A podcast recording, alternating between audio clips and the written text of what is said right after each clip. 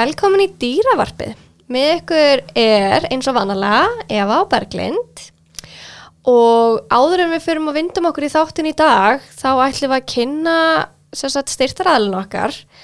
Uh, dýravinur og já, þar sem að, að þú getur fengið stafræna mynd af félaganu þínum eða félagum með því að fara inn á dýravinur.is færði 15% afslátt með því að nota kóðan dýravarpið þannig að endilega kíkið á það þetta er rosalega flottar skemmtilega myndir.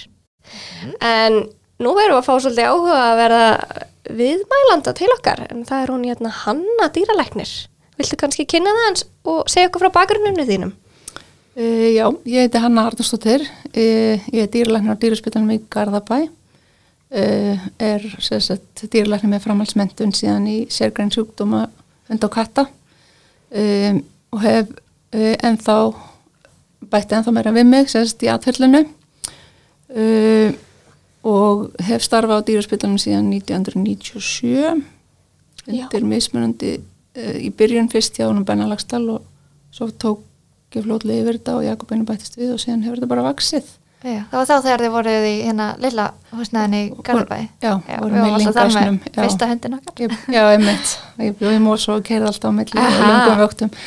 Það var það líka, voru líka sinna stórdýrum þá, en svo hefur þetta bara orðið einskorðast við smádýrin, gældýrin og það var svo sem alltaf minn, minn draumur og minn, minn, mitt áhugasvið. Já, neyði. Það er bara mjög flott En við ætlum í dag, ætlum við að spjalla aðeins um ummunun eldri dýra og hvað við getum gert fyrirbyggjandi til að tryggja þeirra heilbreyði sem lengst og kannski líka hvernig við viljum grípa inn í og hvað, hverju við eigum að fylgjast með ef eitthvað fer að breytast hjá þeim. Þannig að við munum kannski fókusa svona mest á hund og ketti en þetta á allt við um öll dýr í rauninni. Þannig að við getum alveg yfirfært þetta yfir á aðra félaga líka. En ef við byrjum kannski bara, hvað er svona, hvað er það fyrsta sem við erum að fylgjast með og þú veist, hvenar byrja dýrin okkar að eldast og hverju viljum við fylgjast með? Er þetta eitthvað sem við viljum horfa alveg frá því þau eru ung eða er eitthvað svona viðmið sem við miða við? Dýrin þau eldast náttúrulega misrætt, kettir og hundar e, og svo fyrir náttúrulega eftir því lífi sem þau lifa. Hvað hefur verið álag, hvað álag hefur verið í lífið þeirra, hvað sem það er líkanlegt eða andlegt, stress og annað. Genin skipta þar líka miklu máli, hvaða gen þau bera. E, og við kannski verðum ekki vörfið að fyrir við sjáum sko breytingar.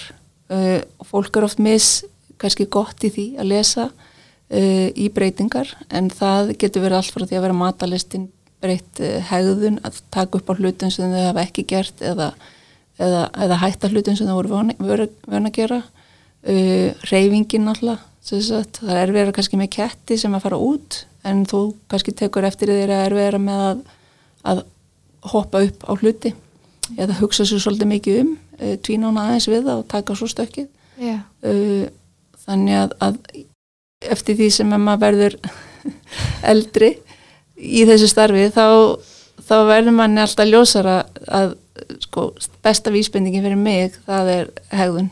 Já. alltaf áður en að, að, að annað kemur í ljós sem sagt hæðir eða, eða getur ekki staði undir sér annað að þá er, þá er það þessi litlu merki sem við sjáum. Já. Þú fylgir ekki fóðupókarum Hann segir alltaf 0, hvað, 0 til 1 árs Já. 1 til 7 og svo ertu bara senior. Nei, Nei. ég ger það ekki. Og, og hérna kannski það sem að er síst, núna í dag er farið að gera mjög gott fóður með tilliti til þessara öldrunar. Áður fyrir var alltaf bara skori niður kaloríunar mm -hmm. það var eiginlega bara sett á matjúrfóður eða seniorfóður og þá var mikið að trefjum í því en, en í dag er farið að, að minka fytu og auka prótin og prótin sem þau eru að eiga auðveldara með að, að hérna melta og setja inn alls konar svona pró- próbíótika uh, og að því það náttúrulega meðast allt í því að viðhalda vöðamassa. Já, finnst þetta með mjög algeng spurninga hvena maður á að setja dýri sitt á svona öldungafóður, þú veist, ertu þá að hugsa þetta alltaf bara fyrirbyggjandi bara þegar það er orðin ekki skamall eða þú veist, heldur þeim á sínu ná- venjulega fóðri á meðan þeir eru alveg hraustur Ég held þeim á því fóðri sem að kannski tilverið er að gera kröfur um. Ef þau eru konum með einhverja fylgjukvilla, sjúkdóma, þá þá maður að hafa hug, hugsa um það, eins og með nýru eða, eða, eða slíkt. Uh, en til dæmis mjög aktífur hundur sem er í góðu formi þó hans ég orðin 9 ára, 10 ára, 11 ára, ég fer ekki að setja hann endilega á seniorfóður strax nema ég sjáu þörfuna til þess. Mhm. og það er náttúrulega eins og til þess með vöðva þegar vöðvamassi fer að rýtna þá er að koma í dag erum við með miklu betur fóður ef við vorum með fyrir 20 árum síðan. Þannig að stöðu þróun í þessu og þeir sem er að gera góða hluti þeir eru að gera virkilega góða hluti. Það er ekki eitt fóður passa fyrir alla. Veist, það eru margir sem fara inn í búðu og það er kannski stendur á pakkanum all sizes, fits all ages all sizes og það er það segir sér sjálf, það er ekki þannig. Og það er svolítið öðruvísi, við borðum jú vissilega sama mat en við þekkjum líka þegar, þegar fólk eldist þá mingar matalistin uh, og, og það þýðir að þú þarft að huga betur að því hvað þú borðar af því að það er ekki nóg að minga þá bara hóristu niður. Þannig að hérna við, þurfum að, við getum ekki hort bara á einn punkt í þessu, við þurfum að taka inn fleiri atriði. Akkurat. Mér finnst líka svo algengt að fólk svona, þegar fólk horfir á dýri sín og segir svona, já, æ, mér fannst hann bara allt í einu varða svo gamall.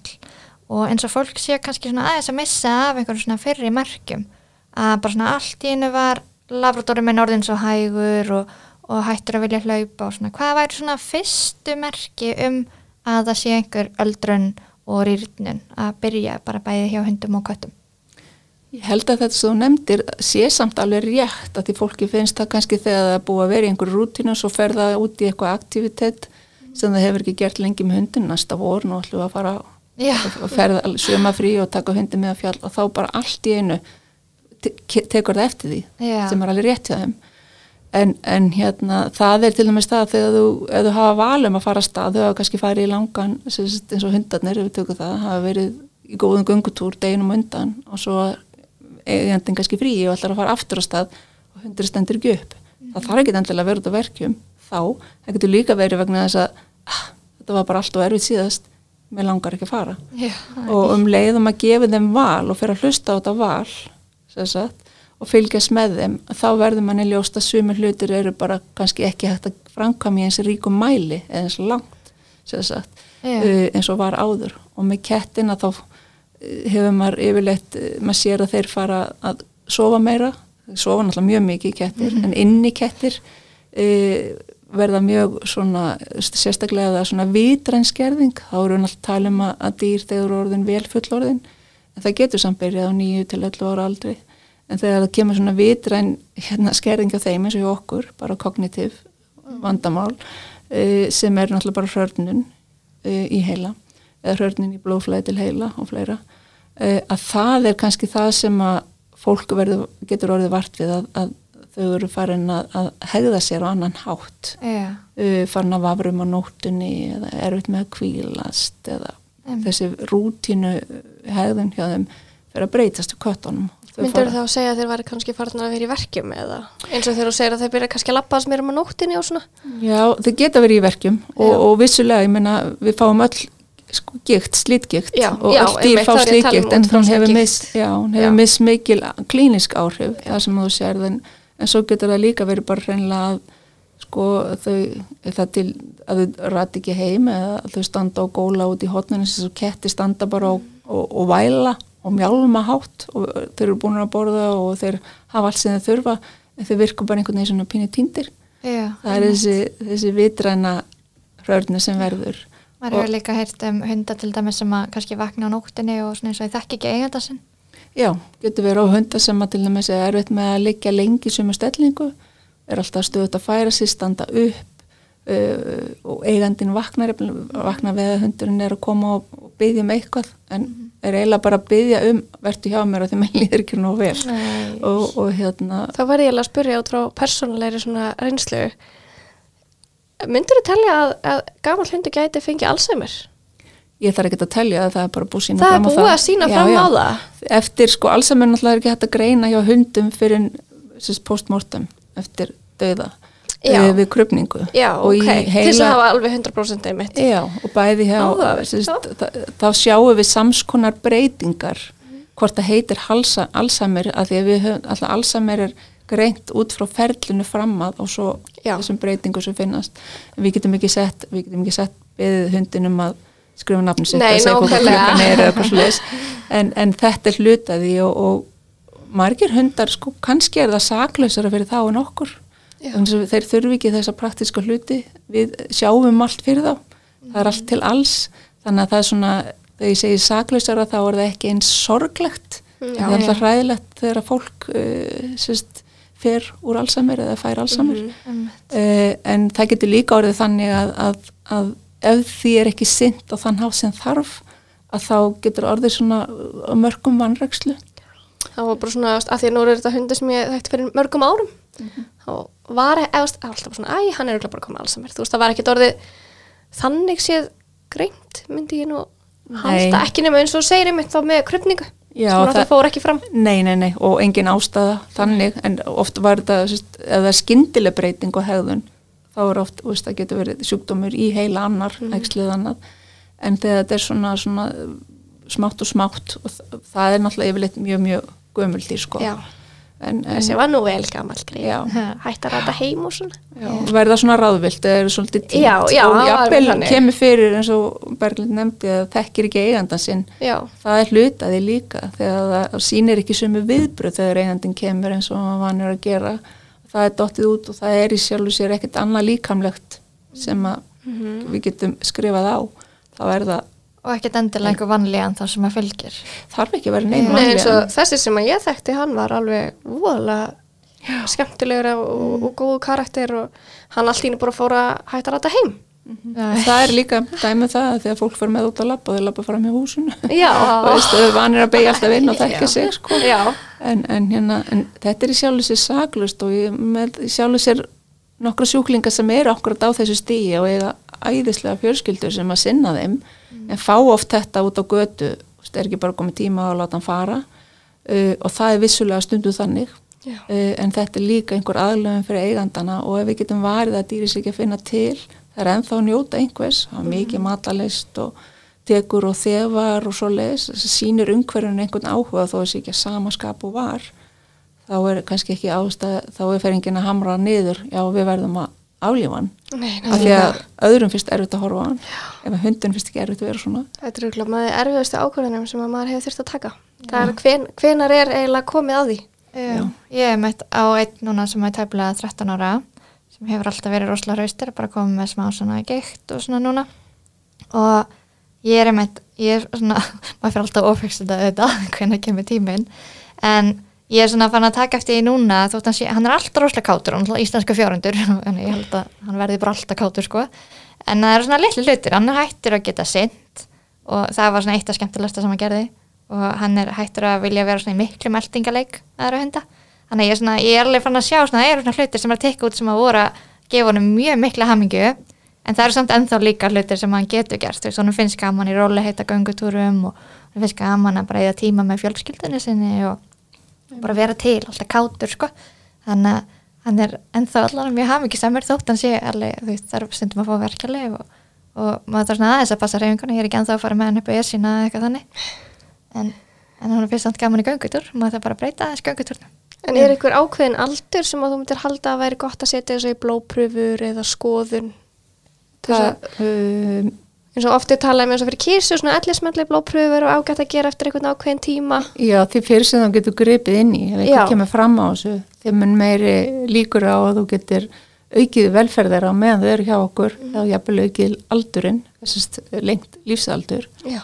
uh, þannig að, að uh, í sjálfu sér við 8 ára aldur það- Já, þá það- gæti verið já, sniðugt að fara þá að hlutinnar koma- ofta snúast Já, uh, en hérna oft er þetta gert líka að þeir eru að koma inn í tekið Já, preprófröð nákvæmlega og þá er tekið náttúrulega livrar og nýrna prófílegin og það er nú yfirlt það sem við getum leitað að sko. Uh, og þá er hægt að setja einmitt með fóður sem að hérna hlýfir þá nýrunum sagt, það er að segja að það verður ekki svona álag og það er öðruvísi fósfor í því það er öðruvísi söltin þannig að þú ert að huga að þessu og svo ef eitthvað finnst þá þarf náttúrulega að fylgja því eftir. Mhm. uh, þannig að, að hérna sami með hundana þannig að hjá þeim sko flestir hundar uh, myndi ég segja að það er stóðkerfi sem svíkur þá. Uh, svo er það alltaf þessi sjúkdóma sem kom upp þegar meiri líkur eftir því sem dýrin verða eldri eða kom upp ímiskona krabba minn uh, en, en hérna en það hefur ekki verið tekin upp nefn krabba með meðferð hér á Íslandi, er það? Það hefur verið tekin upp uh, einu sinni manni eftir krabbmessmeðferð. Það er eitt dýralæknir hérlendi sem er sérhæður í krabbmessmeðferð en vinnur bara ekki við, sérst, praktiserar ekki dýralækningar en, Ok. en, en er innan seilingar náttúrulega. Uh, mörg þessara lifja eru mjög dýr, ekki öll samt Já. og það setur oft svona uh, svolítið strik í reikningin náttúrulega. Já, kannski spurning hvort að tryggingafélagin takki þátt í Já. Já, yfirleitt það með sérstaklega- eld- eldri dýrum kannski. Já, en eins og ég man að því að hérna, áður á fyrri vinnustag hjá mér þá einmitt var einn sem vildi fara með í krabbmessmeðferð og við tókum inn lif en það var, víst, rosalegt einmitt mjög erfitt ferli Mm og efnið var líka þannig að það mátti ekki vera að nálægt því nema bara undir ákveðnu leiðbringum og slæs Já, þannig að við erum kannski ekki alveg komin í jafn langt að því þann kom sko uh, rútínan kom eða frá bandaríkjanum hvað við áttum að gera emitt. Það er sko náttúrulega, veist, kannski uh, besta, besta meðferðin er skurðager eða er þetta ná hreinum skurði. Já. En ef við erum að tala um eitthvað eins og kvílblæði, blóð, blóðkrabba, uh, þá er til til dæmis krónist form og, og akut form, bara sjó fólki og akut formið er alltaf miklu, miklu sérst, meiri, minni líkur á að komast fyrir það. Mm -hmm. Krónisku formin er hægt að halda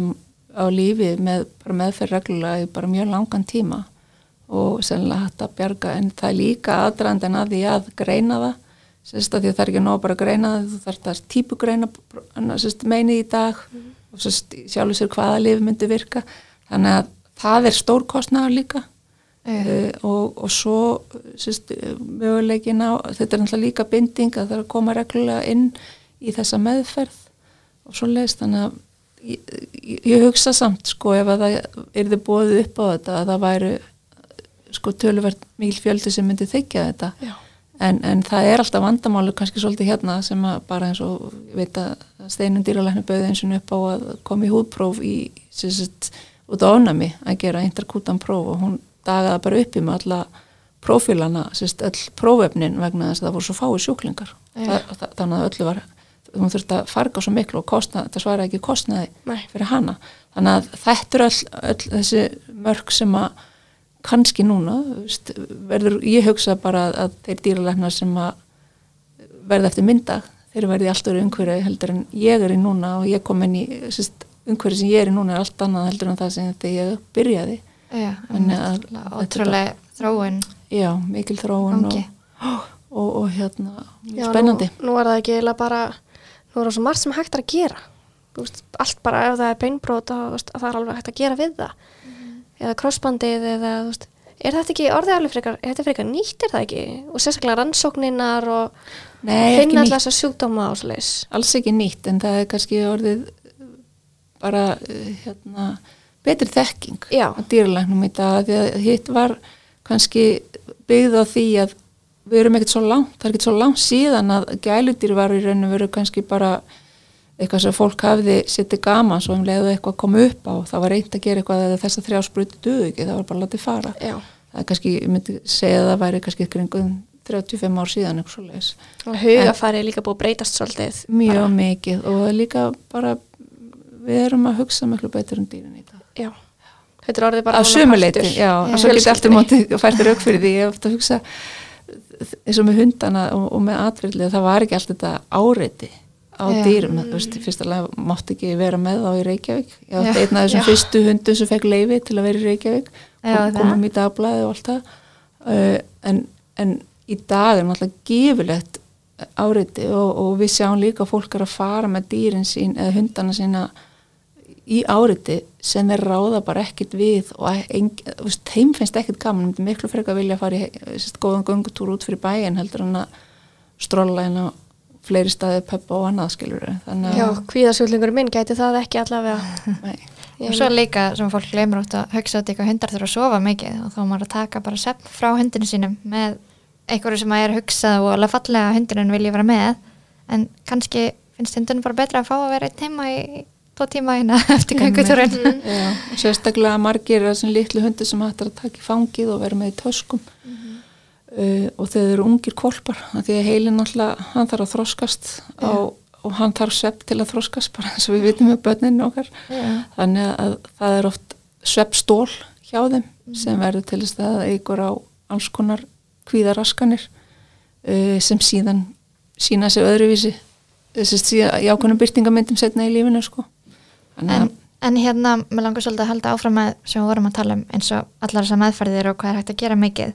Veist, hva, finnst þér ekkert erfitt sem dýralæknir að svona hvar dregur í línuna í hvenar hættur meðhendlun og þú veist, hvenar eru e- ekki að gera dýrinu gott með því að halda áfram að reyna að hjálpa því, þú veist, það er kannski orðið gamalt og veiklulegt eða, eða einmitt komið krabba megin og þú veist, getur farið í einhverja svaka livjameðferð sem að við veitum og bara mjög erfið fyrir fólk og hvað þá fyrir dýr sem að getur ekki sagt hvernig líður og svona, hvernig finnst þér að vinna í þessum aðstæðum og, og ert þú einhver tíman að segja bara stopp fyrir dýrið við fólk eða finnst þér mikilvægur að fólk átti sig á sig sjálft eða? Mér finnst mjög mikilvægt að fólk í samtala um þetta. Já. vegna þess að, að, að það er líka bara ekki bara mikilvægt fyrir mig það er líka mikilvægt fyrir fólk að skilja við dýri sitt sátt. Já. vitandi, sumir vilja veist, reyna allt, jafnvel þó það kaupið þeim bara kannski sex mánuði eða þrjá mánuði. Uh, og ef við getum varið það að þessi þrýr mánuði eða sex mánuðir eru ekki á kostnað velferða dýrsins því líður vel þann tíma þá finnst mér það sjálfsagt. Uh, en auðvísulega hefur líka komið fyrir að maður hefur þurft að segja hinga og ekki lengra. Uh, það er mjög sjálfgeft finnst mér að því að ég, mér finnst ekki erfitt að taka upp þessi málum fólk og yfirleitt þegar maður ræðir það og ræðir það í nokkur skipti og, og heldur sambandi við og, og ringir og eða fólk ringir og letur vita þá er þetta alltaf í raun og veru ljóst, liggur ljóst fyrir eftir því sem líður á þessi samtöl í hvað stefnir. Og, og svo kemur náttúrulega líka fyrir þegar það kemur inn sérst akut að það er bara hér og nú það er ekkert sem við getum Já. gert í sjálfu sér þannig að það er ekkert eitt svar sem sagt, við þessu en það er skiptið mjög miklu máli og ef ég væri veist, bara eigandi og ekki dýralækni þá myndi ég alltaf vilja fá að, að vera með í þessu samtal fá að vita Já. hvað væri, hvað, hvað væri í gangi sko. Emmett.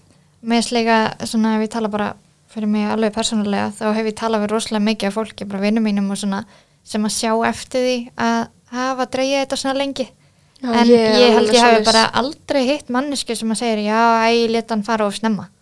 Veist, mér finnst frekar að fólk dreigi þetta og ég tengi rosalega við það bara svona þegar ég var yngri og reynslu minni að hérna, ég hugsa eiginlega með fyrsta hundi minn og bara fjölskylduhundin, ég held að hafi pínu verið að draga það út af mér, þá var ég náttúrulega bara ung brólingur og það satt rosalega í mér og ég er miklu meira svona meðvitið um það núna bara að ég ætla ekki að gera það.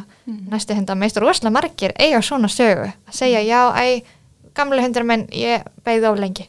Já, það, ég- það er örgulega rétt Ég er alveg þar líka sko. Ég beigð of lengi með minn og þá var maður einmitt bara ekki með reynslu í þessu. Já, Og ég sé eftir í dag og það eru komin alveg sjö ár síðan. Já, og þess vegna er bara líka mikilvægt að hafa í huga ekki dæma aðra sérst að því að þú þarft einhvern veginn að fara í gegnum svona ákveðna reynslu til að fá þína sín á hana. Uh, og það er sérst líka kemur mjög gjarna fyrir að fólk bara veit af því. Það er orðin, svo bætist eitthvað eitt í viðbót og það, það þarf einhvern veginn svona samþykju okkar. Eh, er, veist, og valla þú eru að orða það að því það finnst að það fær samvisku bytt já, uh, og það er náttúrulega líka í okkar verkarheng dýralagna og dýrahjúkurn og kona, kvenna og manna sem að koma að þessum dýrum að, að hjálpa fólki gegnum þessa ákvörðun. um, Ekki láta því líða illa yfir því sem það er að gera uh, og eða því sem þarf að gera, getur maður sagt. já, Uh, þannig að, að allir fari frá þessu og því að hvort að hundurinn lifir eins og þess að þrjá mánu eða sex mánu, hann veit ekki af því. Hann veit bara hann mér líður illa núna. Uh, þannig að við getum ekki gert neitt uh, annað en kannski gefa verkjalif og þetta heldur bara áfram niður um við það er mjög, mjög hérna raunsæfi fólk að segja um að, að það sem við erum að gera núna er það bara á hans kostnað, hennar kostnað mm. til þess að þið fáið meiri tíma. Ofti verið að býða eftir einhver komið heim frá ellendis já, uh, og svoleiðis uh, eða einhver sé að klára einhvern stóran áfanga eða jafnvel hefur verið ástvinnamissir já, eða er ástvinnamissir síðustu jólin, síðustu jólin og Við reyndum þetta sumarið. Við ætlum að hafa einna síðasta fjölskyldudaginn og hann dróst um viku eða eitthvað svo leis og maður var alveg svo blindur fyrir ynginunum sem maður var að sína.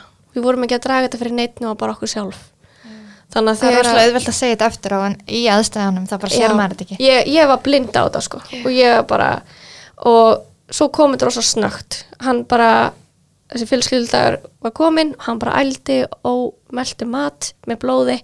Þá var þetta alveg bara og ég er ennþá með samanskupið í dagur því að hann hefur verið að þjást.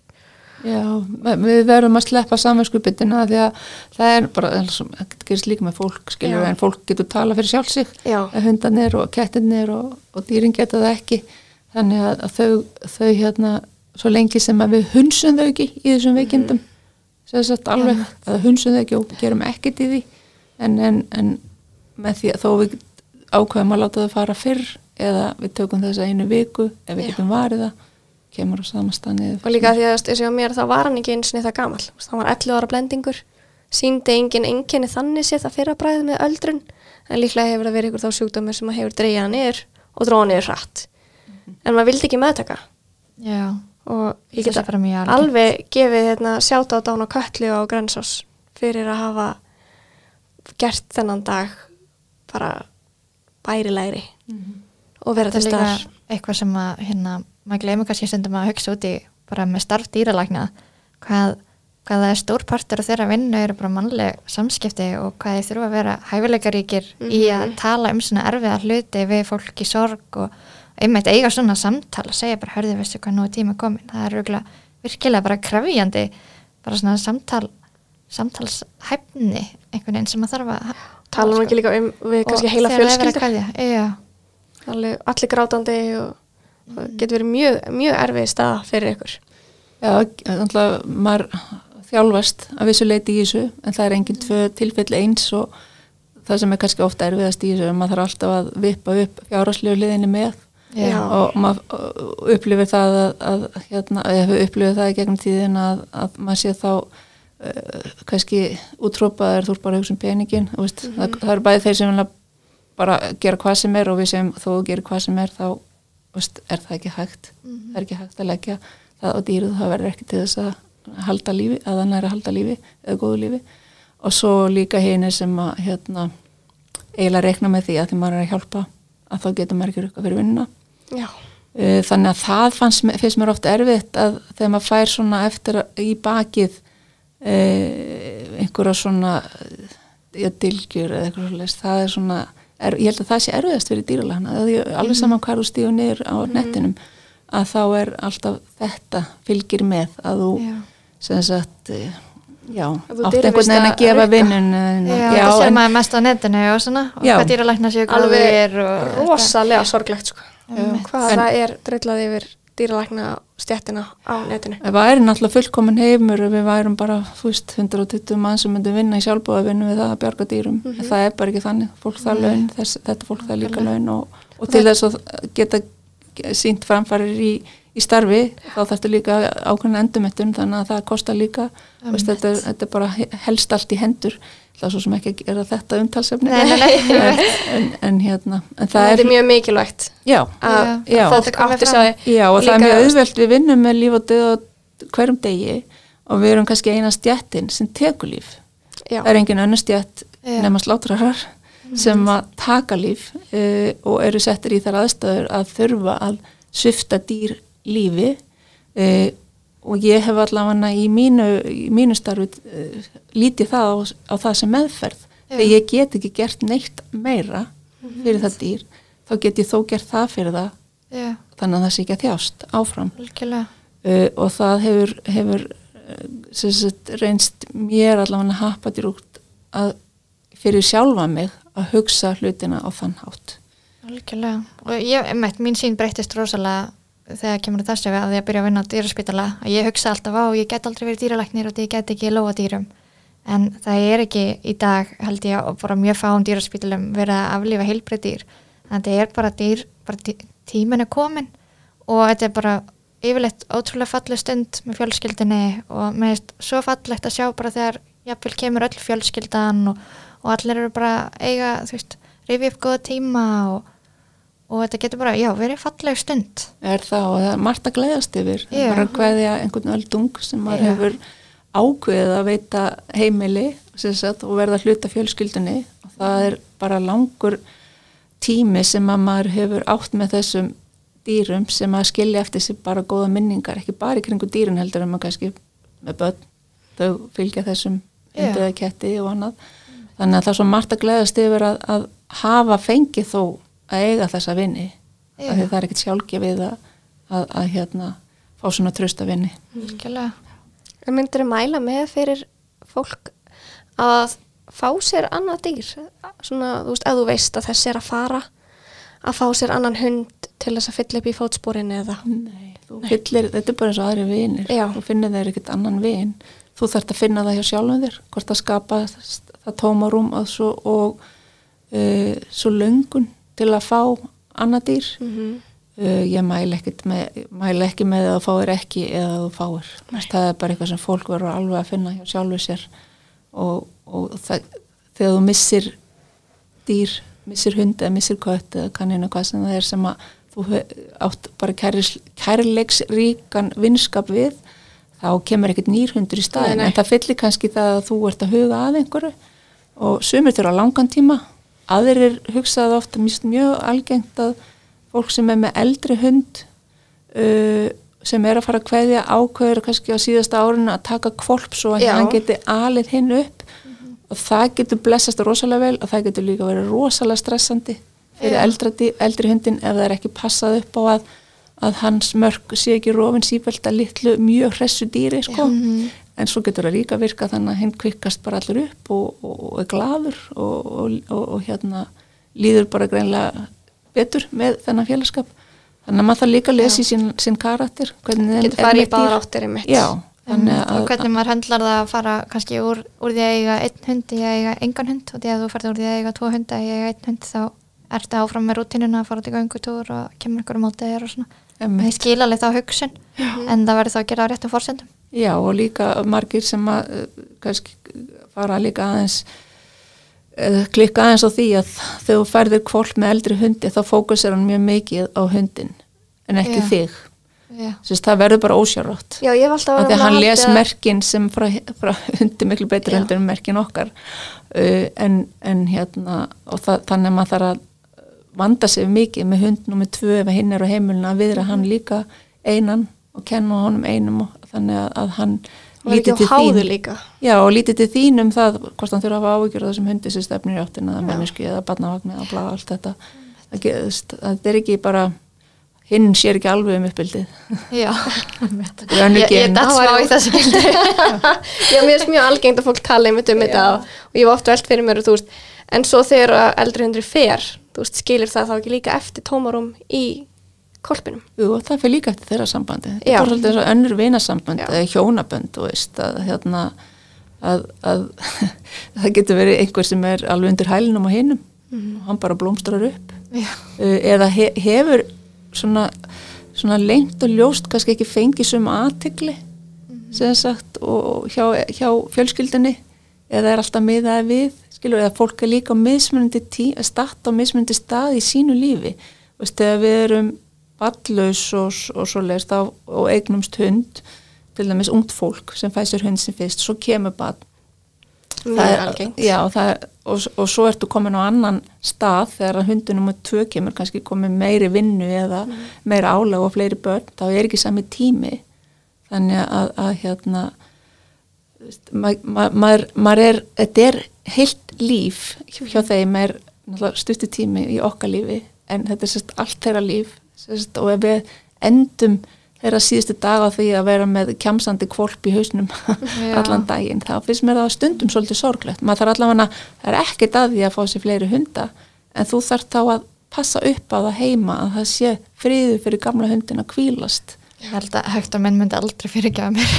Nei, nei, og svo er þetta mismundi karakter Já. veist, þannig að ma maður þarf örgulega ekki að segja við fólk sem að hlustar á svona þætti að, að það er alltaf þeir sem hafa áhuga dýrum og hafa átt kannski fleiri dýr og það er það getur fengið sömu tegundana aftur og aftur og aftur þeir eru mjög ólíkir já, Já. að- En myndur þú segja þetta væri líka hérna, ef við tölum aftur um öldrunar einkennin, að þetta væri tegundatengt? Uh, vissulega til dæmis uh, stærri hundar fá náttúrulega frekar eins og giktina Mm -hmm. uh, og, og þungir hundar sérstaklega, stærri þungir hundar. Þú getur verið með íslenskan hund eða léttan bordercollie sem er kannski ekkert með rosalega góðum með mér en hann sýnir aldrei klínisk enginni veist, hann er í sjálfur sér volið lítið verkjaður hann er með góða vöðvíkring og allt svoleiðis. En, en hérna uh, og minni ákveðna tegundir fá frekar hjartsjúkdóma uh, ákveðna tegundir fá frekar livrasjúkdóma þetta er svona tegundabundið þannig hvaða kvillar koma helst upp en, en hérna en öll dýr geta fengið alla þessa sjúkdóma, allir hundar kettir Já. fá náttúrulega mjög gjarna gikt líka og sérstaklega þau þurfa sagt, fara sömu leið inn og út úr íbúðinni eða húsinu þannig að þau þurfa að hoppa upp og hoppa niður til dæmis, þá sjáum við mjög gjarna giktina í karpalliðunum eða þess að við kallum úlið og, og í hérna olbóum Já, tölum við aðeins um þetta í inni og úti kattaþættinum. Sem voru með að hérna, þegar kettinir eru farin að eldast að hafa smá svona tröppur upp fyrir það og upp í glöggakæstu og svona upp allstæðina sem var alltaf auðvöld að hoppa. Samið með hunda að vera með móttur inni. Hundar, eru flesti með parket eða sleipgólf og fólk er að leika við unga kvolp og elda bolt og svo renna þær eftir gólfinu og, og okkur finnst þetta eiginlega fyndi en þetta getur haft traumatísk áhrif setna meir. Þannig að þú, svo þegar dýri orðin orðin, orðin fullorðin og gömul og eða kannski er þetta með að standa upp eða, eða, eða sérst, fara um þá getur þú sett móttur þá náttúrulega hafa þetta stamara undir uh, hjá þeim. Ég voru alveg mikið að vinna með svona hérna lillar svona dýramóttur og rúmfó á svona uppáhaldslólustöðunum í mínum og hann er kaflaðin, hann langar ekki að liggja á stóri bæla allar nóttina en Einmitt. hann alveg svona á mótnana getur hann verið svolítið styrður og þá alveg, ég sé hann sækir í að vera þessum stöðum og það eru veldara og líka fyndi sem við nefndir hérna með að þeim fyrst stundir leiðilegt að missa getina að hérna hundunum mín er fáið verið upp í rúmi. Og þetta er frekar hátt rúm. Og hann gamli kallin svona, var bara gerðist einhvern veginn einu degi hann hætti að geta hoppa upp í rúm. Að fá svona stundum og svona planta bara planta með mallan bara doink. Og hann skamnaði sín svo einhvern veginn. Ég sáði á hann og hann var bara svona vá, get ég þetta ekki lengur? Bara Dísis, allir henni strákarnir getur þetta. Þannig, þannig að við settum skemil við rúmið, þannig að hann geta ennþá hoppa upp í og ég sá bara gleðina. Neina, ég veit það var svo krullet, svona litli litur sko. Þetta verður sko hann vil geta gert allt ennþá. Já, þetta gefur þeim pínu örvendingu þetta er það sem að það að fara upp í rúmi og þér veitir honum öryggi. Mm. Veist, og auðvitað velja að hunda sér stað, staði þar sem þeim líður upplifu öryggi og þar sem þeim líður vel þess vegna sem hundar leiti upp í sófa og ég þarf ekki að segja við ykkur, ég veit að þið veit en ekki að þið er alltaf að ráða og allt þetta. En, en, en það að koma síðan ekki á þennan stað það veldur svona örvendingu mm -hmm. og, og það andli vanlíðan hún er ofta verið en líkanleg sem myndi ég segja. Og tala ekki um þetta ef þetta fer saman þá ítir hvort undir annað. Þannig að það að gefa honum laust á þessu að það vissulega færir honum þetta öryggi og hann verður gladari mm -hmm. það er það sem er Þannig að það er svo margir svona litli hluti sem við getum hugsað um þegar dýrin okkar eru að eldast, hvernig getur gert honum þetta daglega líf bara auðveldla, auðveldar. Ef það er vanur að, köttur sem er vanur að fara hátt upp á skáp til að kvílast, við hefur vanilega getað hoppað upp á hann á skápar í einni aðtrunni, kettir er alltaf ótrúlega akrobatískir, mm. það er ekki lengur hægt, þá getum við að setja um eitt, svona neðri hillu og svo næstu hillu, þannig að hann komin hálfur trappa. Þá ertu strax búin að gera kettinu þínum auðveldara að upplifa þessu mm. örugan og það eigur á velferð þetta snýst allt um örugi hjá dýrunum okkar. En það veldur ekkit uh, svona hörnin fyrir á líkamannum þeirra er það? Af því þannig ertu kannski að taka frá þeim eins og þú segir Berglind að hann hoppar upp í rúm. Hann ertu kannski að taka frá honum að hann er að stakka upp í rúm. Það er samtíðurinn ekki, ekki holl hreyfing að vera Nei, að stakka rosalega hátt Hann hefur ekki lengur vöðastyrkin Já, þannig að þú ert ekki með því að hjálpa hann að gera þetta þá ertu heldur ekki að taka af honum getuna til að flýta fyrir hörnin heldur, heldur áfram reyfinguna, hann bara gera mm. þetta bara eins og bara væri, væri, ég væri búin að vera í hérna feimlegum allt mitt líf og ég var um 67 ára, það geti ég ekki alveg farið fjögur flikkflakka og sportláni sko. og líka bara mingarslýsa hættu og, og í rauninni frekar eigur líkurnar að hann getur stunda aðra reyfingu út af því að maður heldur honum við upp að hans mörgum þannig að hann getur stundar það er mikilvægt um þetta svolítið að halda þeim samt ennþá við reyfinguna en bara gera það kannski öðru sér hætti. Já, Já þetta áhegilega við allt með dýrin okkar veist, það, það breytir svo margt um leiðu við reynum að hætta að breyta þeim mm -hmm. og breytum aðstæðanum Já. þá breytist þeirra hegðun. Það er mjög góð punktur. Þannig að Þetta verður að við okkar. Hvort sem það er atverðlið eða annað að, að, að þá maður alltaf að hugsa hvað tryggur þessa hegðun? Mhm. get ég gert eitthvað hér eða er þetta bara hreinlega erfitt? En ef ég breyta aðstæðan eins og bara það fara lengra frá tryggarnum og allt þetta að þá, og sama ef við takir blóðpröfur þú veist, uh, ef við eru að, að hérna, það er mikil hasar í kring og dýrið er rætt og er þetta að taka blóðpröfu fyrir minn í herbyggi, gerum þetta rólega eigandi með eða eitthvað svo leis, þá ertu bara búin að breyta aðstæðan og þú ert búin að breyta dýrinu. Nei. ekki neitt, þú bara breyti því sem er kring. Og það er sama með uh, þetta líkamlega hundur sem er vanur að, að fara með þér í fjallgöngur, maður sé líka bara eins og veiðimennir sem eru með veiðihundana uh, sem elska sína hunda alveg eins og við að þeir, kannski það verður við sorg hjá þeim þegar þeir sjá að hundurinn getur ekki lengur farið í þessa löngutúra en Já. ef maður stittir þá eða ef maður hefur þá í kápu ef maður, ef maður leifir þeim að koma með og hlaupa fyrstu 20 minnar og svo sett fara þeir inn í bíl og svo kannski færi ungi hundurinn að spreita sig. Það er mjög erfitt fyrir það á að vera skildir eftir þegar þeir sjá að allt er að gerast. Já. og þú ferði í fjallgöngu fatnaðin og þeir eru að verða eftir. En ef þú ferði í smá ring með þá og, og ferð svo með þá inn aftur og heldur svo þínu áfram.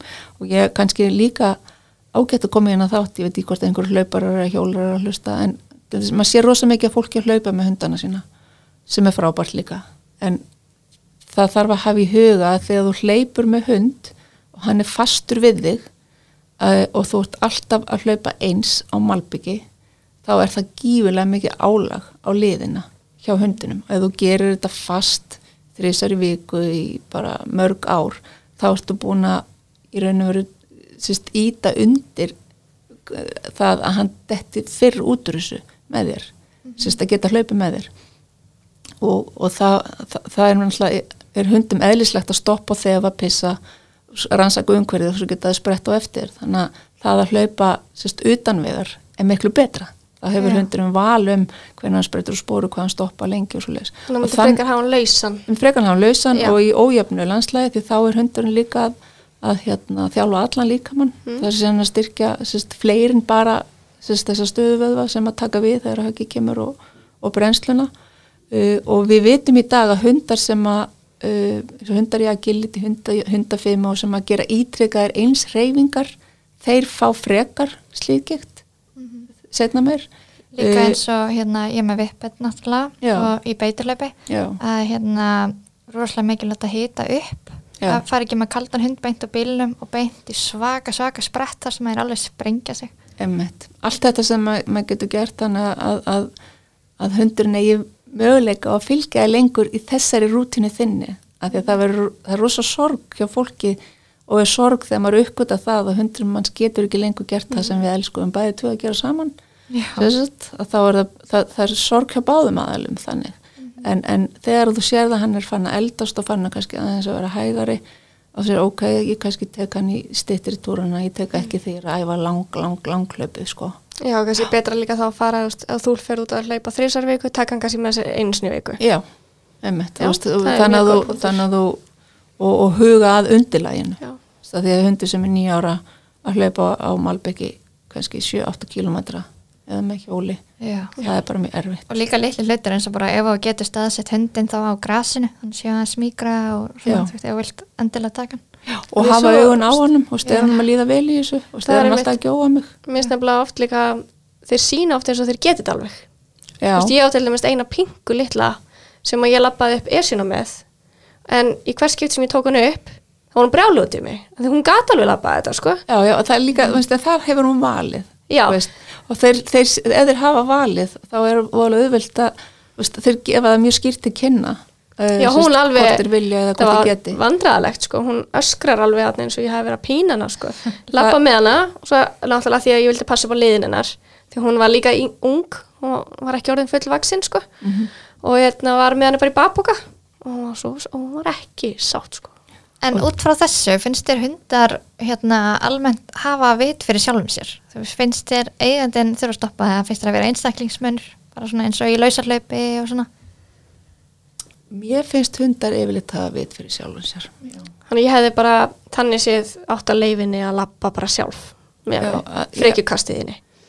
Já, ef hún hefur viljað lappa og hún, er- hún er að lappa þeim hraða og hún dregst ekki aftur úr, Já, sem sagt. nei, nei, en svo, hún svo dró getur mig það upp, líka sko. verið að þú tekur hann upp og veist að hún sé bara, hún sé ekki örugðar, það þarf ekki að vera það að hún vil ekki láta að halda sér. Já, Þú veist, ok, þetta er svo margt sem spilar inn í. Já, og, og, og það sem að kannski líka kemur að ef við erum með hunda sem að við vitlum að við ætlum að lifa mjög aktífu lífi með, að það er að byrja bara mjög snemma að fyrirbyggja. E, með því að hafa fóðubætirefni, gott fóður, halda þeim grönnum en vöðvasteldum, allt þetta skiptir máli. E, stærsti áhættu þáttur fyrir sko gikt og snemkomin í gikt er til dæmis þingdin, offita. Uh, út fyrir öll gen í sjálfu sér vegna þess að þú getur verið með hund sem er með mjálmálás en ef hann er haldið lín og, og vöðvastaltum þá á hann miklu lengur betra líf sér sagt. En önnur spurning út frá þessu, nú er ég bara að nýta þið fyrir mína hunda. hérna, og ég er náttúrulega með mjög ólíkar tegundur með vippet og Íslanding og sem að þýðir basically að Íslandingurum minn sem er núna að vera 13, hann hefur allt sitt líf, hefur hann hlaupið á eftir sem að taka svona svaka svaka spretti. Þannig að þegar hann fyrir göngutúra ekki með vippetum, þá er hann miklu meira, eða þegar hann var yngri, var hann miklu frekar bara svona leika og vera hunda og svona dóla sér og svona íslensk kreyfing, svona eins og hann var, en honum fannst alveg æðislegt að hlaupa með vippetunum. Þannig að ég er svolítið að hugsa, þú veist, var ég kannski að gera honum grikk með þessu að láta hann í svona svaka spretti en Nei. þú veist, eða kannski bara, hann var náttúrulega alltaf í geggjöðu formi svo. var það ekki bara sérst, á hérna opnu svæði það Jú, sem það var, já, Jú, jú, það er eðlileg reyfing ef við hugsum bara á lógist út frá þessu óeðlilegasta reyfing fyrir hund er að lappa sérst, 7 km í bandi Já, já. á stjætt mm Veist, það er svona óeðlast en vissulega er það reyfing, góð reyfing fyrir hann en það Mhm. um leið og það sem að gerist hjá þeim er bara sama hjá okkur að, að hérna ef að þú gerir einhæft eða reyfið og lítið þá kemur það niður á þér setna og margir hundar, veist, ef hann til dæmis hefði verið látin spretta bara úr spori og hlaupa eftir hjóli og setja svona í bíl eða fer heim og liggur þá er það ekki góð reyfing nei, nei. veist. Þannig þarf þess að hæja á þeim. þú þarft að þeir þurfa að fá að þroska sagt, vöðvana í kringum liðina á eðlilegan hátt sem felst í þeirri reyfingu sem er eðlileg fyrir dýr sem lappar um á fjórum fótum. Og, og með kviðin líka. Og það gerist ekki nema þeir fái að spreita sig í ójöfnu, fara upp, hlaupa niður fá púlsin upp, púlsin niður. Uh, jú, kannski mikið maður sér eins og hundar sem eru orðnir fullorðnir og er að leika við yngri hunda og sérstaklega þeir eru þungir þá er- fáum við þessu krossbandslit og annað eða þeir eru að hlaupa eftir spýt og snar stoppa. Að það, veist, það er þá sem að slísin gerast en ekki þessari jöfnu góðu reyfingu sem að er, er hérna bara regluleg.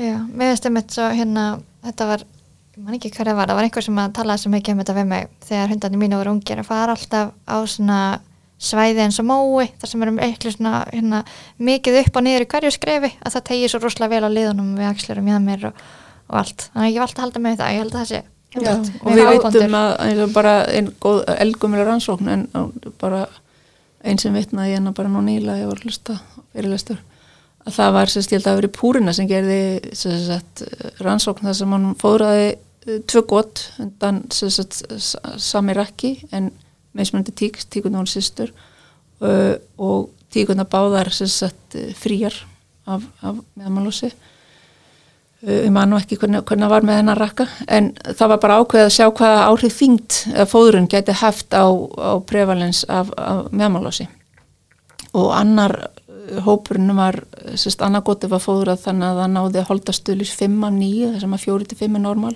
fyrir hunda. Og 5 að 9 menn hinnur voru 7 og það, það sömu aðstæður sama, sama umhverfi sagt sama reyfing sem hundandi fengu og allt saman. Eina sem var ólíkt það var magnfóðus og þá þingdin á kvolpunum og þessir kvolpar sem voru sem sagt, í, í þessari offóðrun þá, þeir fengu, mik, voru mun herri, fleiri kvolpar með mun herri og mun fyrir sem þeir kom inn með meðmálós. Já, ok. Þannig að, þingdarfaktorin er rosa mikil í þegar þeir eru að vaksa. Ekki þetta með að fólk sé að halda þeim upp og niður tröppur. Mhm. Passaði bara að hundurðinn sé, uh, hann sé alltaf með mitti, segja. Já, og þú bara sama hvað er tegund, þá alltaf sjást mitti. Svo er alveg ótrúlegt millir tegunda hvað fólk á erfitt með að meta hvað er kjörþyngd. Veist, fólk oft heldur hundur sinn sé kjörþyngd og hann er bara í mikilli yfirþyngd. Já, sömu sjúkdóma náttúrulega tegundir. íta undir það. Veist, og, og lif og margir hundar sem eru geltir uh, sem sagt, þegar þú tekur út kynhormónin uh, þá hefur líka áhrif á sérst, vakst beinana þannig að dýr eður gæld fyrir kynður og skaldur þá, þá heldur beinin á, halda þau áfram að vaksa það senkar aðeins lókun á vakstalinum uh, þannig að þú far herri dýr en þessi efnaskipti hvað var þar að mynda vöðva versus fytu þau brenglans líka. Þannig að það er rosa mikið vinna að halda sumum hundum geldum sérstaklega labrótor og öðrum hundum sem hafa eðlislegt sapna mikill fytu það er bara í þeirra genum að sapna fytu þeir geta beðið út í skurði eftir að gæsin er skotin þeir geta fara út í vatn, þeir geta þóla kulda. Þannig að þeir fara hallar frekar á þá og blending af þeim að mynda fytu og minni vöðamassa. Myndur þú þá segja að það væri sniðut að gefa þeim þá bara minna magn af fóðrinu? Myndur þú breyta eftir geldingu við erum oft talað um nú er gott að hann fara á fóðus fyrir gelda þú, og reyfið sér kannski ákveðið veist, er það alveg Já, það er, þá er þetta fyrirbyggja, þú gerir það strax. það er, erf, það er miklu auðveldar að fyrirbyggja heldur en að Já. laga. Já.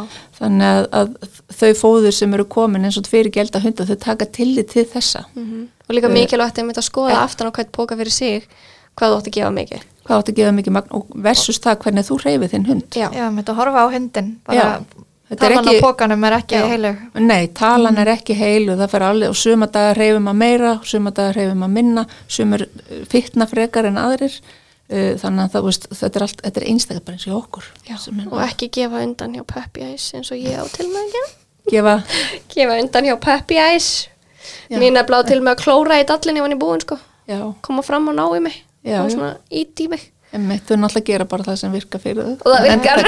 Já, Já, já, ég er bara hunda sem að kunna opna skápa og opna box og, og fara honni, ég þurfti að geima svona stóran hnullung og ná hérna fóðurbóksinni einsinni. já það, en það er mjög gott vegna þess að það eru sem hundar sem eru eh, bara eða, fólk á mjög erut með að fóðra. Sérst vegna þess að þeir eru svo vandfísnir Já, er þetta er algjört luxusvandamál sko. þetta er já, algjört. En það sem að liggur ofta á baki er í raun og veru vandi sérst, sérst, hérna, uh, meldingarvandi sem Já. að kannski fólk kveikir ekki alveg á. Að ef að hundurinn byrjar að borða borðar aðeins og svo fer hann frá því og svo kemur hann með nýtt og hann borðar aðeins og svo fer hann frá því það er ekki endilega bræðið, það er bara vegna þess að þegar hann borðar þá líður hann milla Já, og það er, það er hérna mjög margir svona króniskir eða svona langvinnir meldingasjúkdómar sem koma einmitt fram í þessu hegðun. Og svo getur maður tekið sjúkdóma eins og Addison sem er vanvirkni í nýrnahettum sem kemur líka fram í hegðun. Já það er þá talum kannski þeir sem hafa verið búinir að vera duglegar að borða og hætta allt í einu að vilja borða eða eða er það talum bara sumir hafa verið gikkir alveg frá byrjun?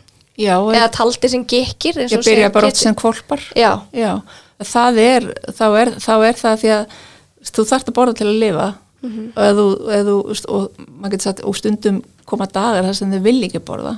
Einn ein, dagur eða tveir dagar og maður svona lætur reyna, reyna, reyna á það að þeir byrja að borða. En ef þetta er ítrekkað og oft þá myndi ég allavega ráðleika fólki að prófa fyrst með probiotika, gefa eitthvað meldingar, stiðja við meldinguna jafnvel setja á, á hérna, fóður sem að, sem að dregur því að myndist bólgur og annað sem að uh, gera þá verkum að, að það er þá meiri velniðan mm. sem gera þá verkum að hann borða betur. Og það kemur svona svo- komið upp eða bara hvena sem er, hvaða aldrei sem er en bara hafa svolítið svona fleiri huga heldur en bara það að hann sé matóndur Já, sérst, ekki þessi hana, oft fólk segir að hann er að mótmæla. Já. Vist, ég hef aldrei séð hund með mótmæla skilti en, en, en það er það er alltaf ástafa bak við hegðun breytingu eða hegðun. það Þetta er, líka, þetta er líka bara hérna, ítrekka hvað er mikilvægt að fara með dýrin sin í árlega skoðun. Og, það- og nefna þá ræða alla þessa hluti og þótt að manni finnst þeir ekki merkilegir bara þannig að þetta sé komið í skranna hjá hundinum Mhm. og, og dýralæknirinn nær þá oft kannski bara að spotta eitthvað sem að maður sem eigandi gæti ekki séð Já, sjálfur það er oft komið eitthvað munstur í það sko. Já, því ég held maður svona alveg uppi að æ, hann er bara gekkur, æ, þú veist, eins og segir hann er bara mótmæla. Það, maður er aldrei svona virkilega að skoða hvað gæti verið á bakvið það. Nei, nei. En Það er mjög oft sérst, margir af þessum bólgusjúkdómum í meldingavegi lýsa sér einmitt Já. svona og ef við til dæmis tökum hunda sem að veist, eh, hundar sem sleikja gólf eða er að sérst, eh, sjúa teppin sína eða eitthvað svo margir þessara hunda hafa undirliggjandi meldingavandamál sem er bara rosalega lítið þannig að það verður aldrei þannig að þeir verði veikir, svona Já. almanlega veikir en það er alltaf að koma upp við og við gerir það Þinn það ekki verðlins? ég var einmitt að hugsa, menn hérna, hann er líka með hérna bara langa sögu bristbólgum. Akkurat. Hann er bara- alveg voða krútlegt þegar hann sígur teppið en, en aftur á móti er það eitthvað undirleikjandi. Já, ég var alltaf að spyrja, já, var hann tekinn á snemma frá mömmu sinni, Jólin, nei, nei. Þetta er þetta Ekki- getur verið náttúrulega, já. getur verið nú OCD eða þráhyggja, Já. en það, ef þetta kemur skyndilega upp hjá hundi sem er kannski 8 eða 9 ára og hann hefur aldrei gert þetta áður fyrir Já. að sleika Já. gólfin, þá veist þetta er ekki eitthvað sem að hefur fyllt honum út af einhverju kvíða, heldur Einmitt. er þetta eitthvað sem að er að koma upp núna og þá sko, þarf að skoða það sem að geti leiði að baki. En þá er líka eitt sem ég langaði svolítið að spyrja þig út í, getur þú sagt okkur svolítið frá loka ferlinu hjá dýrum, hvernig það fer fram? Það er mjög algeng spurning sem að er einmitt ringd inn á dýraspítala og getur það sagt okkur frá því? Frá bara svolítið svona, Þetta var að hugsa um þegar þeir eru að fara að kveðja. Við getum náttúrulega bara sagt frá því eins og það er hjá okkur. Já, Uh, Það er ímist þá náttúrulega inn á spítala hjá okkur eða þá eða stundum heimavitjun eða fyrirvari. Uh, Við, það hver dýralæknir hefur eiginlega sinn hátt á og velur þau lið sem hún líður best með uh, og finnst dýrinu líða best sérst, í í, með þau lif. Hjá mér er það þannig ég nota yfirleitt að ég gef í vöðva áður uh, og ég reyna að gefa það þannig að þau verði lítið vör við það. Þau eru oft bara í annarkvort í fanginu eða, eða þá þau eru jafnvel að borða eitthvað. Sérst, að borða svona sleikjumóttum eða slíkt. Uh, og það lif í raun og veru að þau lif svo lifja blanda gerir þau svona fjár, fjárverandi verkjastill þau alveg svona morfínskilt lif þannig að þau verða róleg og slög, eigandin sér þau líka ekki hrætt uh, og ekki að reyna að komast undan eða neitt svoleiðis, yfirleitt koma dýrin inn það finnst mér sérstaklega hundna að meira ágjör á fólkinu sínu. Að þeir sjá að allir eru leiðir þá verða þeir leiðir. Já, uh, þannig að, að hérna og svo fá þau bara þann tíma sem þau þurfa í þessu. Og svo setjum við upp legg sérst í æð. Uh, stundum setjum við upp leggin áður. Það fer alveg til því við þekki eiganda og dýr. Mm. þau eru vön að vera að tekja blóð þá eru þau bara róleg en, en þetta er raun og veru ferli svona undan og svo kemur náttúrulega þessi sprauta sem að inniheldur lif sem að lætur þau missa alveg meðutund og þau fáur í raun og veru hjartastopp í svefni já, finna ekki neitt og þetta er Nei. mjög rólegt. Og, en það getur komið fyrir er það ekki að þau taki kippi og slíkt, það er ekkit óeðlilegt. það er yfirleitt það sem að maður segir þá áður að, að, að nú, nú komið að, að því að við kveðjum alveg og Já. Það sé eðlilegt að dýri taki andkvöf sem geta tekt aðeins úr sér. Uh, hjá köttum getur maður jafnvel sé að skotti verður svona breytt. Það er úrskup eðlilegt. Líka uh, það sem að skipti mestu máli er bara að þau sé ekki að finna til. Mm uh, og að eigandi eigandanum líði ekki illa. Á meðan á þessu stendur. Og ég gef fólki alltaf valmöguleika að vera allan tíman eða fara eftir fyrirsprötu eða, eða fara bara að koma með dýrin. En maður leggur svolítið áherslu á að þeim líður best með sínu fólki. -hmm. og þó þetta sé erfitt þá er þetta líka svolítið svona gott að geta vita það að við vorum þarna líka á síðustu stundu uh, hjá þeim. Þannig að, að, að hérna já, þetta er þetta eiginlega gengur svona fyrir sig og svo fær fólk þann tíma sem það þarf inn í herbyggi ef það er hjá okkur. Uh, og kemur fram þegar það er tilbúið að alveg. Og núna er líka komið svolítið val hjá fólki hvað það vil gera við dýrið eftir á. Núna er, er þið byrjað að bjóða upp á að fá öskuna tilbaka. Líka er það ekki? Jú, það er sumir hafa einhvern stað til að setja þau niður Já. meðan að, að hérna og svo eru dýragrafritir þannig að hurðabæki kjós er einn held ég að sé og suðunessum að koma einn Já. Um, flestir velja sagt að fá brennslu Já. að, Að fá þá öskuna tilbaka eða fá bara... það er bæði Já, okkur en minnst meiri hlutin velja að fá emmett öskuna tilbaka Mhm. ég fengi það fyrir mína hunda Já.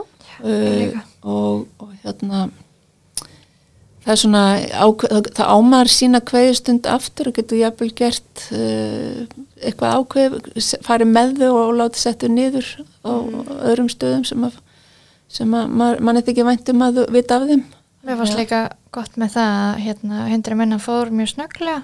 Að þá, þú veist, hann fekk í bröskuna og þá gæti maður svona aðeins meld þetta og svo þegar er tilbúin þá höfum við bara svona aðdöfnda sem við kæðum hann. Það er þetta ekki alveg búið strax einhvern veginn. Einmitt, að líka, man sérstaklega eftir fyrsta, ef, ef maður fyrir út í persónlega reynslu, það, hún getur líka gert manni kleift að setja sér í spór annara, að, að hérna, þegar ég misti fyrsta hundi minn sem ég átti bara fekk þegar ég var eitthvað 11 ára, 12 ára, þá var þetta ekkert val í búiði, sko, og mér fannst rólega erfitt að kveðja hann og vita það að ég geti aldrei séðan aftur mm -hmm. það var alveg erfitt að fara frá hann og maður kannski venstu sig en eftir því sem fleiri dýr hafa komið og farið gegn límans þá, þá svona er maður svona stóískar yfir þessu.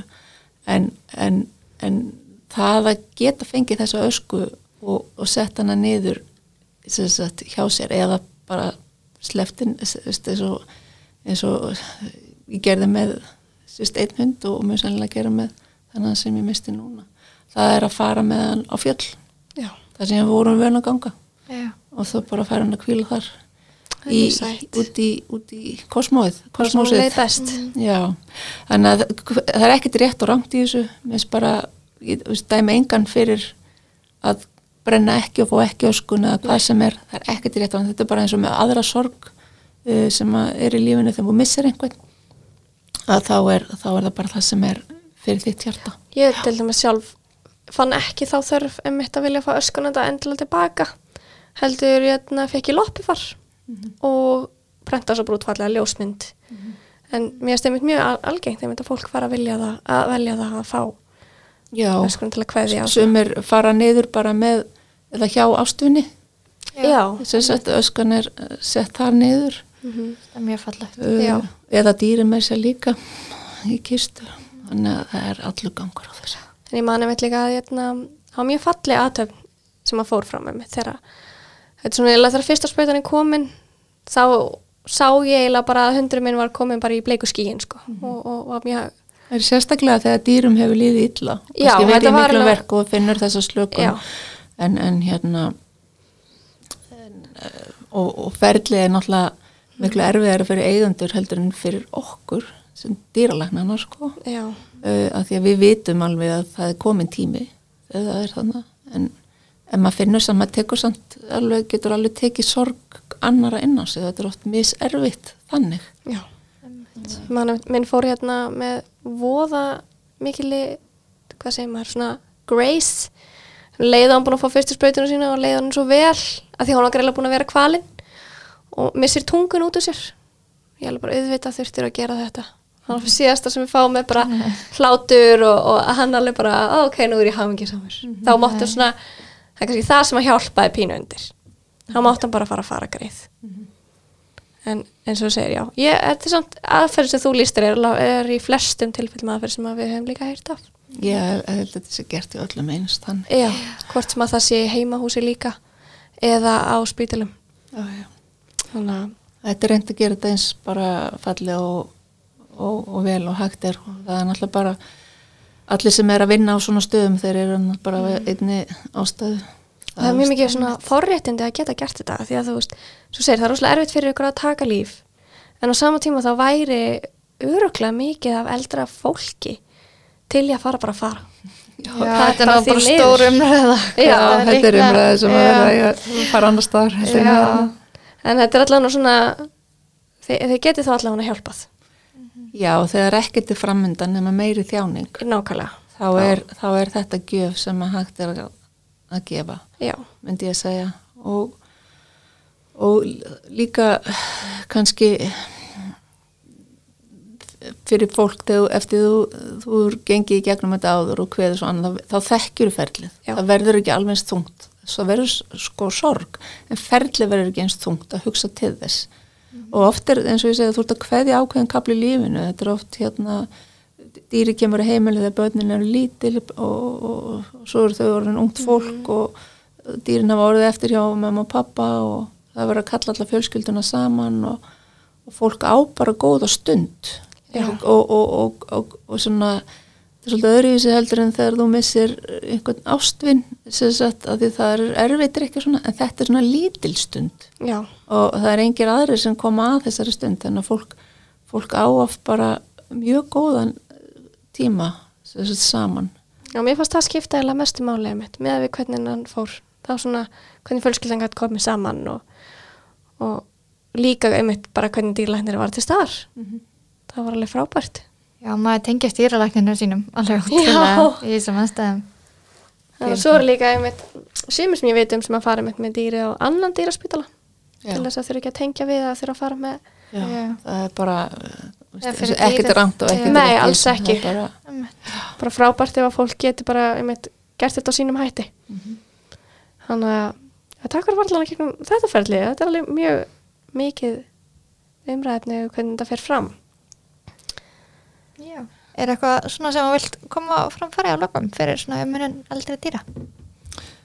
Nei, það er kannski aðalega að leifa þeim að eldast.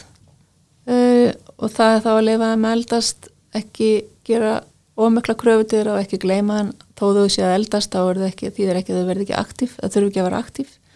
Þannig að það er svo margt sem við getum gert þó við förum ekki að hlaupa 10 km með þá þrísar í viku.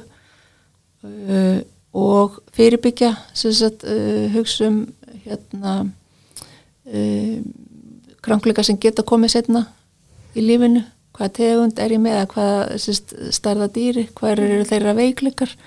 Er eitthvað sem ég get gert? Og það er eins og þetta með fóður og, og, og fóður bæti efni og uh, ekki stimplaðu þrjósk og óþekk Já. þegar eitthvað breytist heldur horfðu aðeins innfyrir Já, einmitt. Og var svona hjálpa að taka heimilinu bara móttur og, og pallar og Já tröppur og þó þau missi heyrnin og það heldur sér bara hafa mikið saman það er svo rosa mikið læti í manna, manna Já, Minn gamli, hann er farin að sofa svo vel.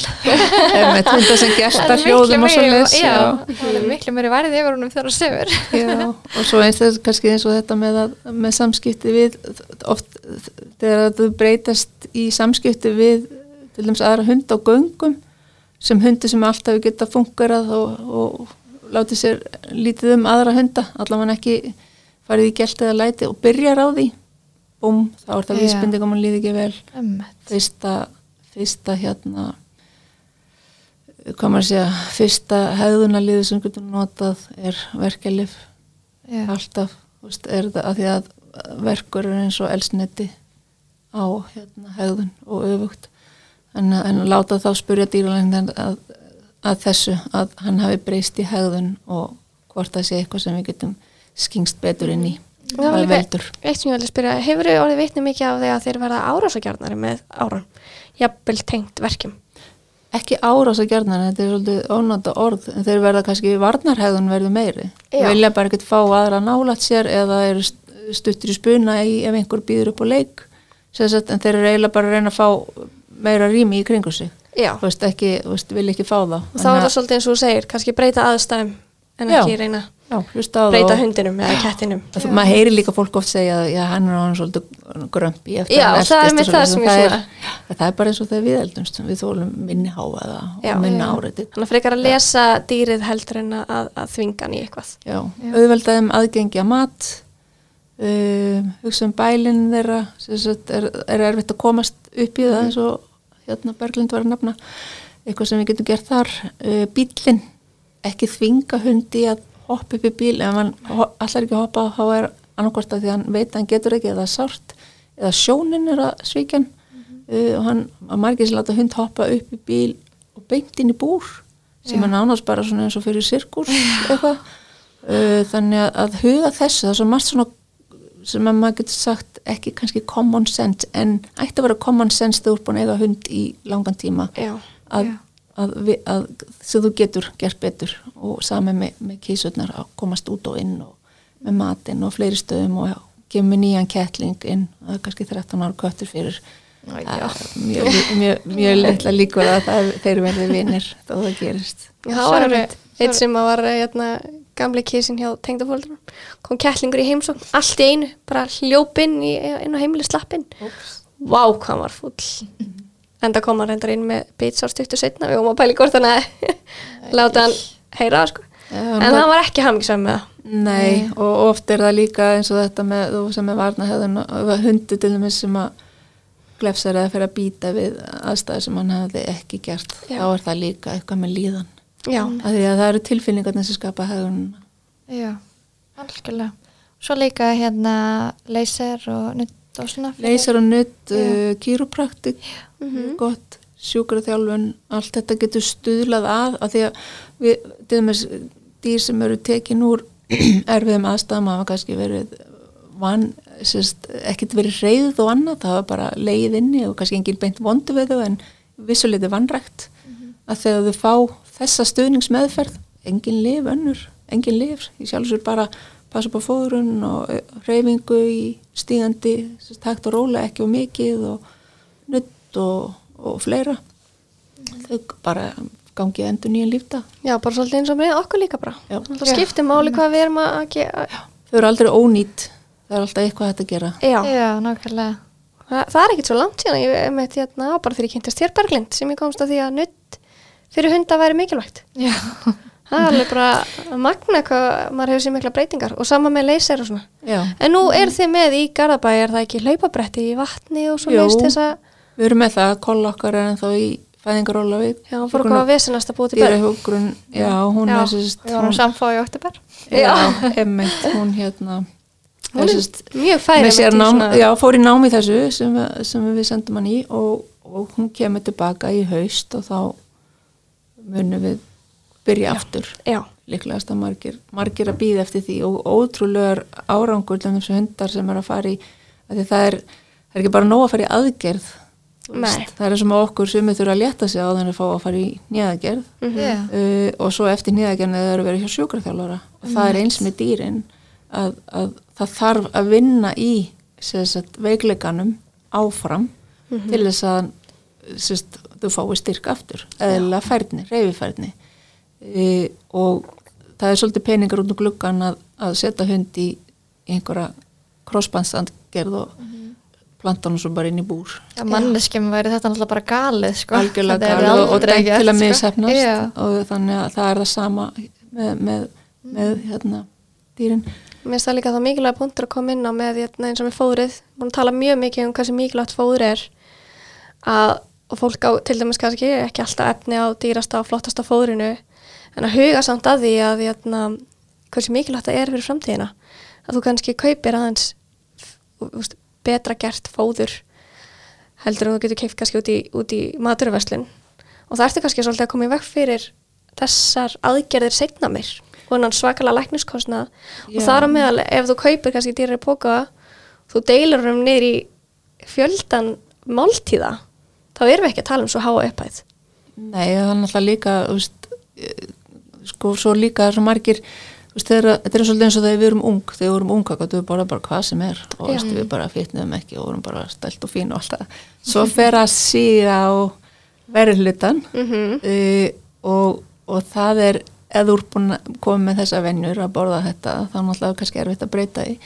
En við sjáum oft ekki skortin að það sem aflega fer fyrrin eftir x ár Já, þá, þá koma afleðingarnar uh, og það er það sem að kannski ef þú ert að kaupa þér þess að fólk er að fá sér hunda það er að borga hundruð þúsunda fyrir hunda en það er að horfa í sko fóðukostnað Já. það er eitthvað sem þarf að gera grein fyrir áður. Uh, af því að það er bara það sem þarf til þess að allt fari vel. mjög, mjög algengt einhvern veginn að fólk kannski gleymi þeim. mér finnst það algengara með ketti að fólk Já. er að sækja í ódýft fóður og bara Já. illa gert fóður. Já, en svo getur maður alveg sagt sko, veist, ég menna það eru fullt af kötti sem hafa alltaf getið bara þetta sem innan gæsalappa kalla veist, draslfóður en lifa góðu lífi eða lifa, verða mjög gamlir en það eru oftast útikettnir Já. sem fara og ná sér Já, og sér í- ferskasteik og svona já, og ná sér í hjáfæði og fá allt sem þau þurfa. En við sjáum þetta mjög hjá inniköttunum sem að hafa mjög takmarka möguleika reyfingu, með einhafa reyfingu uh, og eru þá bara með kúfaða diska allan daginn og með þeim afleggingum sem af því hlýtur Já. öllum þeim fylgisjúkdóm sem því, því fylgir. Þannig að þarna þarf, maður, þarf fólk að eða úr með innikött innikött, ég veit ekki hvort maður kalla kött sem er á alls sitt líf inni þá ert þú líka bara búin að skuldbunda það miklu meira með örfun og að hafa tök á með fóður og, og, og fylgjast með skorts einkennum sko. Og svo líka með eins og kanínur uh, Já. ég held að algeng meistök sé að gefa alltaf mikið af kanínu fóðrunu Já. en ekki nóg að hegi ekki nóg heginu. Þau alltaf hafa nóg Já. heg hjá sér. Það er það sem að allir þessi gerlar uh, sem að þau þurfa í, í, hérna, í risli til að taka upp uh, vitamin og næringarefni. Þannig að grófóðrið má vera þarna til staðar en hitt þarf að vera í takmörkuðu magni. Já. Er eitthvað meira sem að kanínu eigundur geta gert fyrirbyggjandi en að fylgjast með þyngd? Fylgjast með þyngd á tönnum náttúrulega. Já, tenn, Alltaf tennurnar verða mjög fljótt til vandraða uh, ef að henni er ekki synd og margar vaksa skakt og gera það bara það sem kannir sem þurfa að koma í röspun er einn sem kemur til okkar lengst norður í landi, hann kemur bara eins og mánu Já, keirir með sína kannu uh, af því að ef, er, að tennurnar er ekki lægi þá geta það ekki getið já, og líka grunnurinn að því að þetta ná að raspa tennunar ef að, ef að hérna allt sittur rétt. Að fá nóg hei, gott, gott hei Já, Hjálpar það til við að raspa tennar? Já, það er bara, bara eins og önnur dýr sem að, sem að tyggja, að tyggja grófóður. En út í náttúrunum myndu þau fara í mismunandi skilur en þau komast ekkit í það þau eru alveg svo kettir með kattagras og þau þrýfa sig meira. Þessist er að, er að, grúma sig miklu meira heldur en kötti sem er, fer út. Þar alveg taka þau meiri hár ofan í sig og þar alveg meiri líkur að það komi hárboltar eða einhver meldingatreða þannig að þetta er, þau eru þau eru ofurselt aðstæðum síðan. Þannig að ef við getum eitthvað gert við aðstæðu þeirra til að auka á, á andlega og líkamlega veljan þá eigum við að gera það af því að þau völdu ekki okkur Þetta er alveg punktur sem að ég ætla að taka með mér sko. já, Mér finnst það mjög gott að það er alveg svolítið aðstæðanar sem að skipta máli. já, emmitt bara ótrúlega góð er takk hérlega fyrir komina og Ég er bara búin að læra hellinga á þessu. Já. Mér finnst það bara mjög mikilvægt að svona mikilvægt fram og tilbaka eins og Já. það getur orðið Það Já. er bara eins og besta spjallið. já, já. Það er bara það sem við gerum. já, Komir einslisöðnar okkar og þannig að bara takk hella fyrir tíman. Nú, takk svo með leis, bara á mig